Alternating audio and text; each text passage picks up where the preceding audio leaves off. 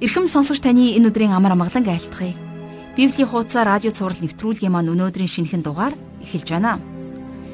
Тэгэхээр номлогчийн үгс номыг судалж байх үед Соломон хаан юу хүсэж байгаа болоо гэдгийг өөрөө ирэхгүй бодож суулаа. Тэрээр бурхны ард түмний удирдахч байсныхаа хувьд өөрийн эцэг Давидын замаар зөв засаглаж зөв амьдрахыг хичээж байсан гарцаагүй. Тэр магадгүй зөв амьдрал бол амар амгалан байхыг мөн үүнийхээ төлөө алив бүхий л арга саамыг хэрэглэж хичээх хэрэгтэй гэдгийг үзсэн нь том алдаа болсон баг. Хүн хэдийгээр сайныг үлдэж зөв амьдрахыг хичээж байгаа ч гэсэн үүнийгээ амьдралын утга учир болгосон ч хэрвээ энэ дунд нь бурхан байхгүй бол тэр хүний амьдрал утгагүй хоосон байх болно. Хүний өөрийнх нь тогтоосон амар амгалан амьдрал засаглал үргэлж хоосон санагдах болно. Ягаад тэгэхээр үхлээр бүх зүйл дуустдаг учраас харин бурхантай хамт байх үед энэ нь аяллаа нэгэн хэсэг нэг өртөө байх болно гэдг нь тодорхой. Ингээд өнөөдрийн хичээлээр хамтдаа ямархан шин зүйлийг суралцахыг эсний моторт өргөн таатгацгаая. Хамтдаа залбирая. Эзэн бурхан минь таньда өнөөдрийн төлөө талархаж байна. Бас өнөөдөр суралцах үгээ таны моторт өргөн залбирч байна.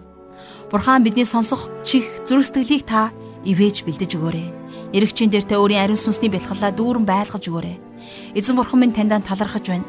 Бидний дорой буур амьдралаар дамжуулан эзэн бурхан минь та сайн тааламжид өргөлийг тэрхүү анхлын үнэрт тахлыг та биднээс хүлээн аваач.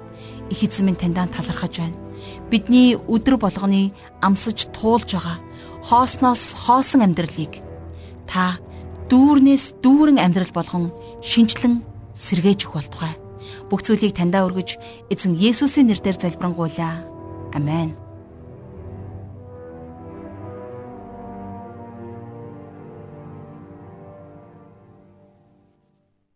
За өнөөдрийнхөө хичээлийг хамтдаа номлогчийн үгс номынхоо 9 дугаар бүлгээр үргэлжлүүлэн үздэцгээе.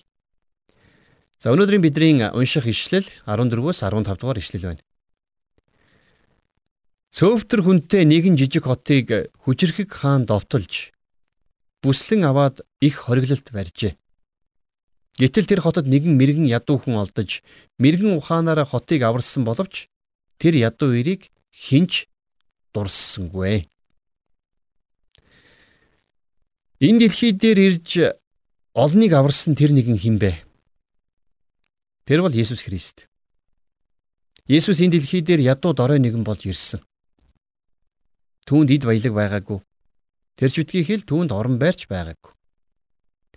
Тэгэхээр яг саяын уншсан энэ ишлэл дээр гарч байгаа ядуу ир шиг Есүс ядуу нэгэн байсан.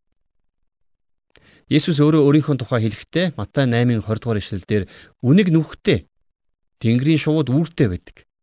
Харин хүний хүүд толгой хорогдох газар байхгүй гэсэн байдаг.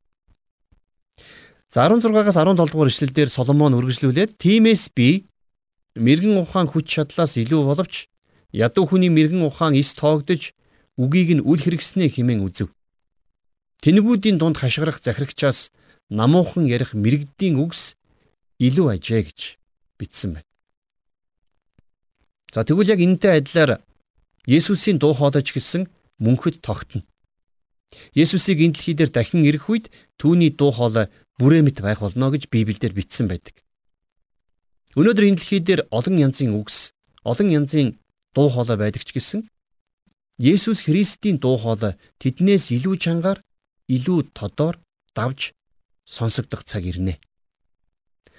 18 дугаар ишлэлдэр мэрэгэн ухаан тулалдах зэвсгээс ч хүчтэй боловч ганцхан нүгэлтэн л өчнөө нь сайныг сүйтгэх ажээ. За тэгэхээр энэ 9 дугаар бүлэг дээр өгүүлсэн бүхнийхээ эцэст Соломон хаан мэрэгэн ухаан болвол тулалдах зэвсгээс ч илүү хүчтэй гэсэн дүгнэлтэнд хүрсэн байдаг. Тэгэхээр үнэхээр Есүс Христ бол цөмийн зэвсгээс ч илүү хүчтэй. Асар том байлдааны хөлөг онгоцыг нэг л хүн жолооддог шүү дээ. За тэгээд хязгаар нь харагдахгүй хөлгөөх далай дундуур тэр хөлөг онгоцыг эртний грекийн нэгэн ухаантны нээсэн геометрийн нээлтийн тусламжтайгаар жолооддгоо гэд бодохоор мэрэгэн ухаан амар хүчтэй байгаа биз? Үнэхээр мэрэгэн ухаан тулалдах зэвсгээс ч илүү хүчтэй. Цааш нь харах юм бол ганцхан нүгэлтэн л өчнөө нь сайныг сүйтгэх ажээ гэж хэлсэн байна.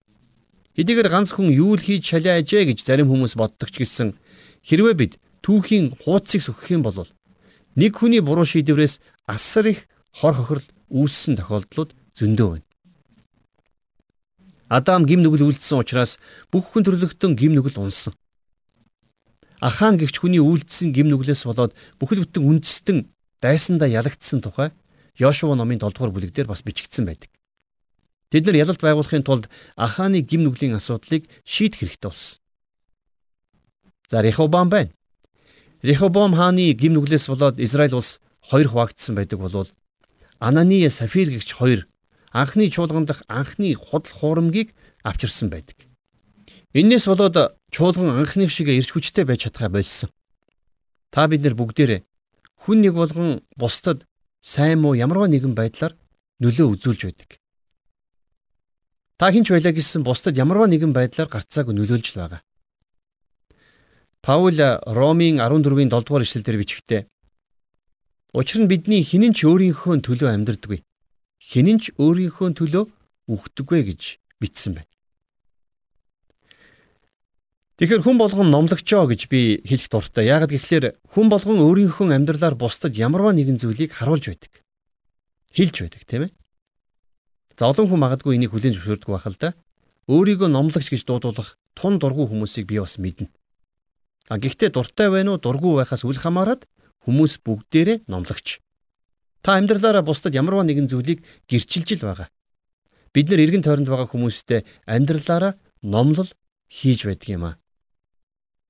Өөрийнхөө хүчээр сайныг үлдээд энэндээ сэтгэл хангалуун явдаг.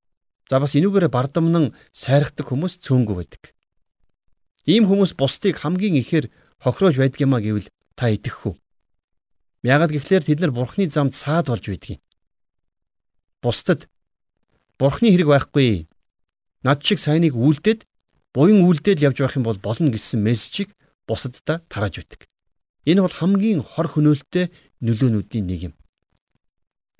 Тэгэхээр би дахиад хэлмээр байна. Та хинч байлаа гэсэн хамаагүй таавал номлогч амьдралаараа номлогч.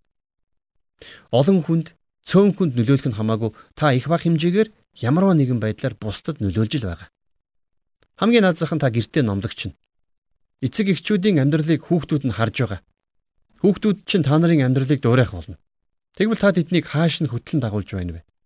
Магадгүй та айл хөрштөө хамт олондоо нэр нөлөөтэй хүн бол тэр тусмаа олон хүмүүс таны амьдралыг ажиглаж байгаа. Таныг үнэхээр бурхантай хамт алхаж байна уу үгүй юу гэдгийг тэд нэр харж байгаа. Та цуглаандаа явахдаа зүгээр л нэг дэлгүүр рүү гардаг шигэ юу ч бодлого явдггүй. А эсвэл бурхныг хүндлэх гэж гардггүй. Таны амьдралыг хүмүүс харж л байгаа. Таны амьдралаас хүмүүс нөлөө авч л байна. Пентекостийн өдөр Петр гайхамшигтай сайхан номлолт хийсэн байдаг. Харин тэр үед тэрний дүү Андрей нь хажууд нь байсан. Магадгүй Андрей дотроо "Винч миний ах л да би энэ хүнийг Христээр авчирч байлаа гэж бодож байсан байж болох юм. Энэ бол Андрийн Петрт нөлөөлсөн нөлөөлөл байсан. Өнөөдөр хүмүүс таныг харахтаа диважн руу чиглээд алхаж байж магадгүй шүү.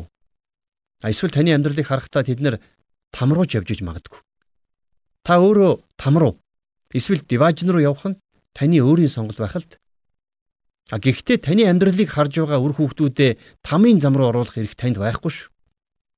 Гэр бүлийнхээ найз нөхдөд буруу замаар будаа тэлгэх эрх хүнд ч байхгүй. Бид нар хүссэн хүсээгүй бусдад нөлөөлж, бусдыг дагуулж байдаг. Тийм учраас бид нар ганцхан нүгэлтэн л өчнөө сайныг сүйтгэх ажээ гэсэн Соломоны хэлсэн энэ үгийг ердөөсөө мартаж болохгүй. Та өнөөдөр эргэн тойрныхон хүмүүсийг хаашин дагуулж байна вэ гэдгээ өнөөдөр сайн нухацтай бодоод үзээрэй.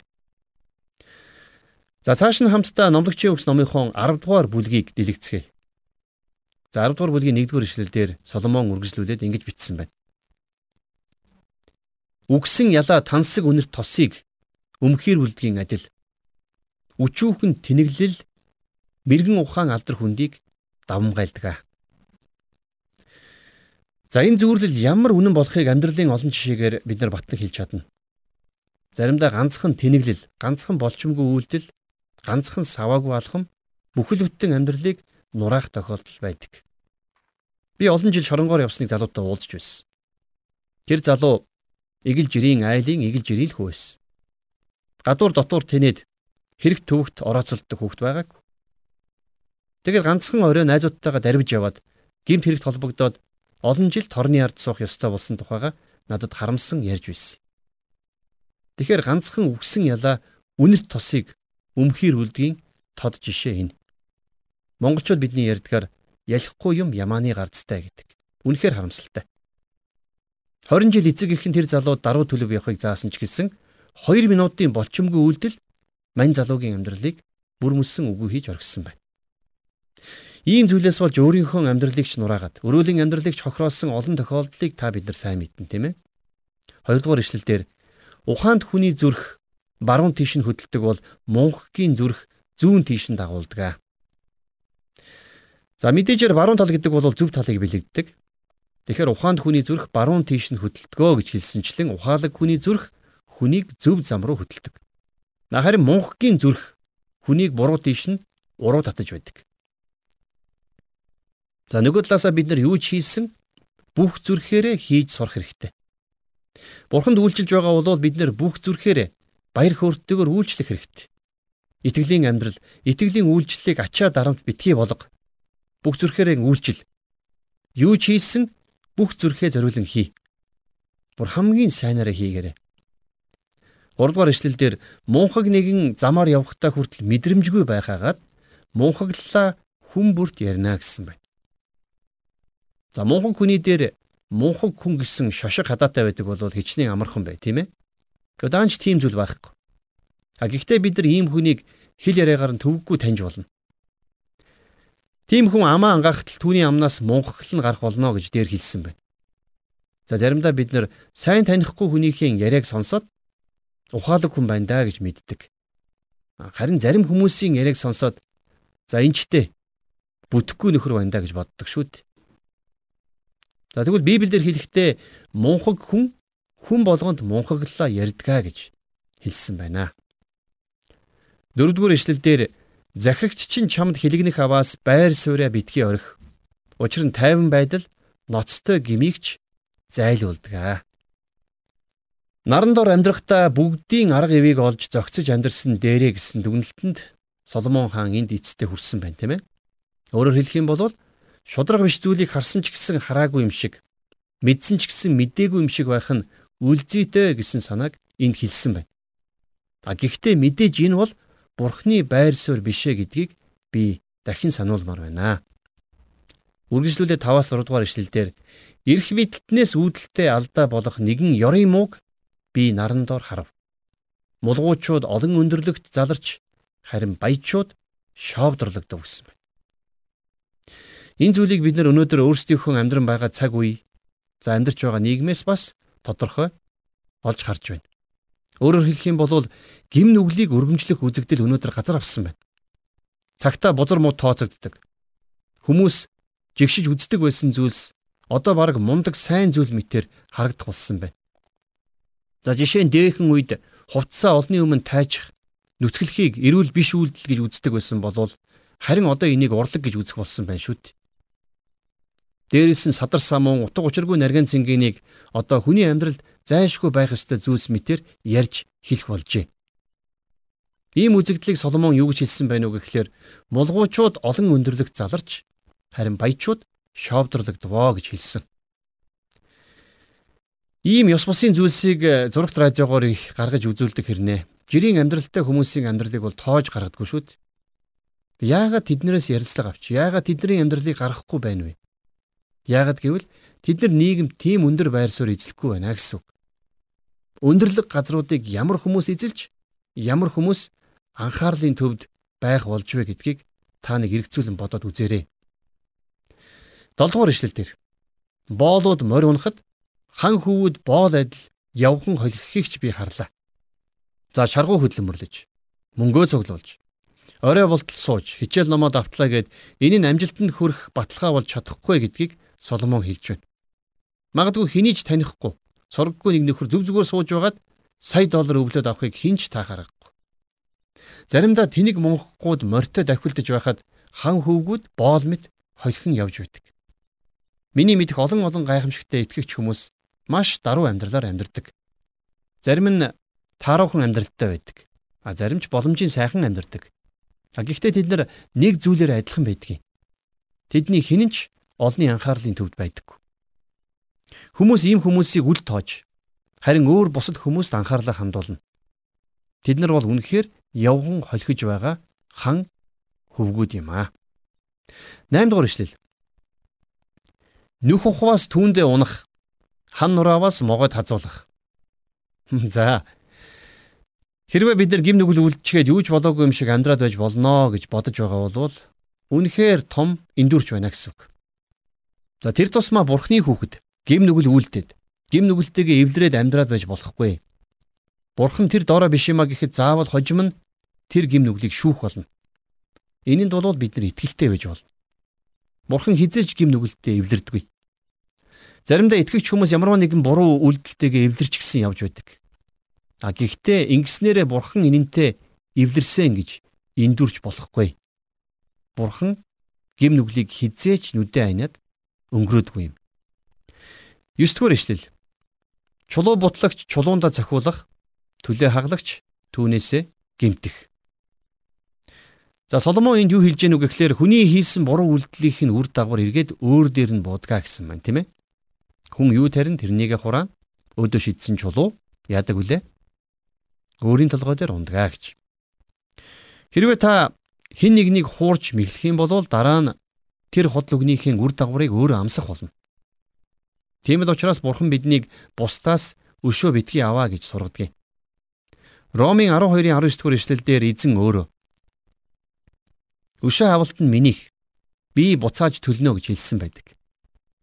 Үнэхээр бидний өмнөөс тооцоо хийдэг бурхан бол бидний бурхан эзэн юм. За 10 дугаар ишлэлдэр сүх мохож хинч ис ирлвээс илүү хүч зарцуулах харин мэрэгэн ухаан амжилт авчрах гэсэн байна. Мэдээж сүх эргүү болох юм бол бид нар хурцлж ирэлдэг шүү дээ. Эргүү сүхээр мод цавчна гэдэг үнэхээр хэцүү. Харамсалтай нь хүмүүс мохсон сүхээ эрэлхийг мэддэг хэрнээ Амьдрал дээр олон зүйл дээр могсон сүхээр мод хаглах шиг зүйлийг хийж байдаг. Олон зүйл дээр хүмүүс өөрсдийгөө сайтар бэлтгээгүй байж дайрч ордог. Иннээсээ болоод цаг хугацаа эд хөрөнгө олон зүйлээ дэмий үрдэг. За тэр байтугай үйлчлэлийн талбар дээр ч гэсэн ялгаагүй. Бурхны үгэнд сайтар суралцаагүй байж иж Бурхны үгийг заах гэж зүтгэх нь энэнтэй яг адилхан алхам. Хэрвээ бид нар мод унах гэж байгаа бол сүхээ сайтар хурцлах нь зүйтэй. Хэрвээ та өөрөө ямарваа нэгэн зүйлийг хийхээр зорж байгаа бол урдаас сайтар бэлтгэх нь зүйт. За ингэж номлогчийн үгс номноос энэ мэт олон гайхалтай сургамжуудыг бид авч чадна. Харин энэ сургамжуудыг амьдралдаа хэрэгжүүлэх нь л хамгийн чухал юм шүү.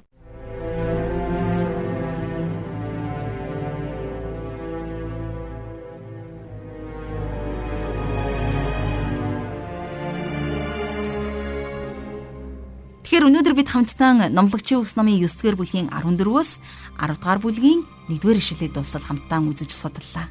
Хичээлийг зааж тайлбарлаж өгсөн жаргал агштаа маш их баярлалаа. Нэгэн төлий чи надад 6 цаг өгвөл би 2 цагийн турш сүхээл хурцлах болно. Харин үлдсэн цагт нь бид модоо бэлтгэх болно гэж хэлсэн нэгэн мэрэгэн ухааны сургаалт зөөрлөл түүхийг та бишгүй сонсч байсан баг. Тэгэхээр олон мод унах нь чухал биш. Цэвэр унах нь чухал юм. Хэрвээ мохоо сүхээр завчих юм бол тэр хэрээр хүч чадал урам зоригоо бид хурдан алдах болно.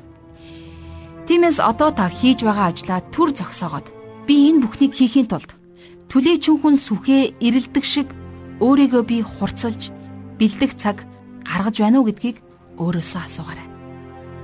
Библийн хуудас радио хичээлээр бид хамтдаа хоосноос хоосон амьдралаас дүүрнээс дүүрэн амьдралууд хамтдаа суралцж байна. Нэгэн аяллыг бид хамтдаа энэ хүрээ дуусгая. Дараагийн хичээл хүртэл өнөөдөр сонсон сурсан болгоныхоо төлөө Бурханд талархаж мөн усад хуваалцах боломжийг эдгээр үсийг амьдралаараа хэрэглэх тэрл боломжийг хэрэгжүүлэх боломж ивэлийн төлөө Бурханд талархал өргөж залбирцгаая. Эзэн бурхан минь таньдаа талархаж байна. Өнөөдрийн хичээлийн төлөө эзэн та алдарш болтугай. Үнэхээр бид олон зүйлийг хийхдээ тантай зөвлөлтгүйгээр өөрийгөө сайтар бэлтгэхгүйгээр хийдэг, эхлүүлдэг. Яг л мохоо сүхээр мод завчих шиг Эзэн бид өөрсдийгөө улам их хурдан ятрааж цагаа өрсөн олон зүйлийг бид заримдаа хийдэг. Үйлчлэлийн талбар дээр ч гэсэн бид яг ийм алдаа гаргадаг бол эзэн бид таны өмнө гимшин улааж байна. Бурхан эзэн минь та бидэнд өөрийнхөө мэрэгэн ухааныг өгч цааш цаашдын олон ажил дээр өөрийгөө сайтар бэлтгэхэд та туслаарай. Онцгойлоод танд үйлчлэх үйлчлэлийнхаа бүхий л талбараа бид таны моторт өргөж байна.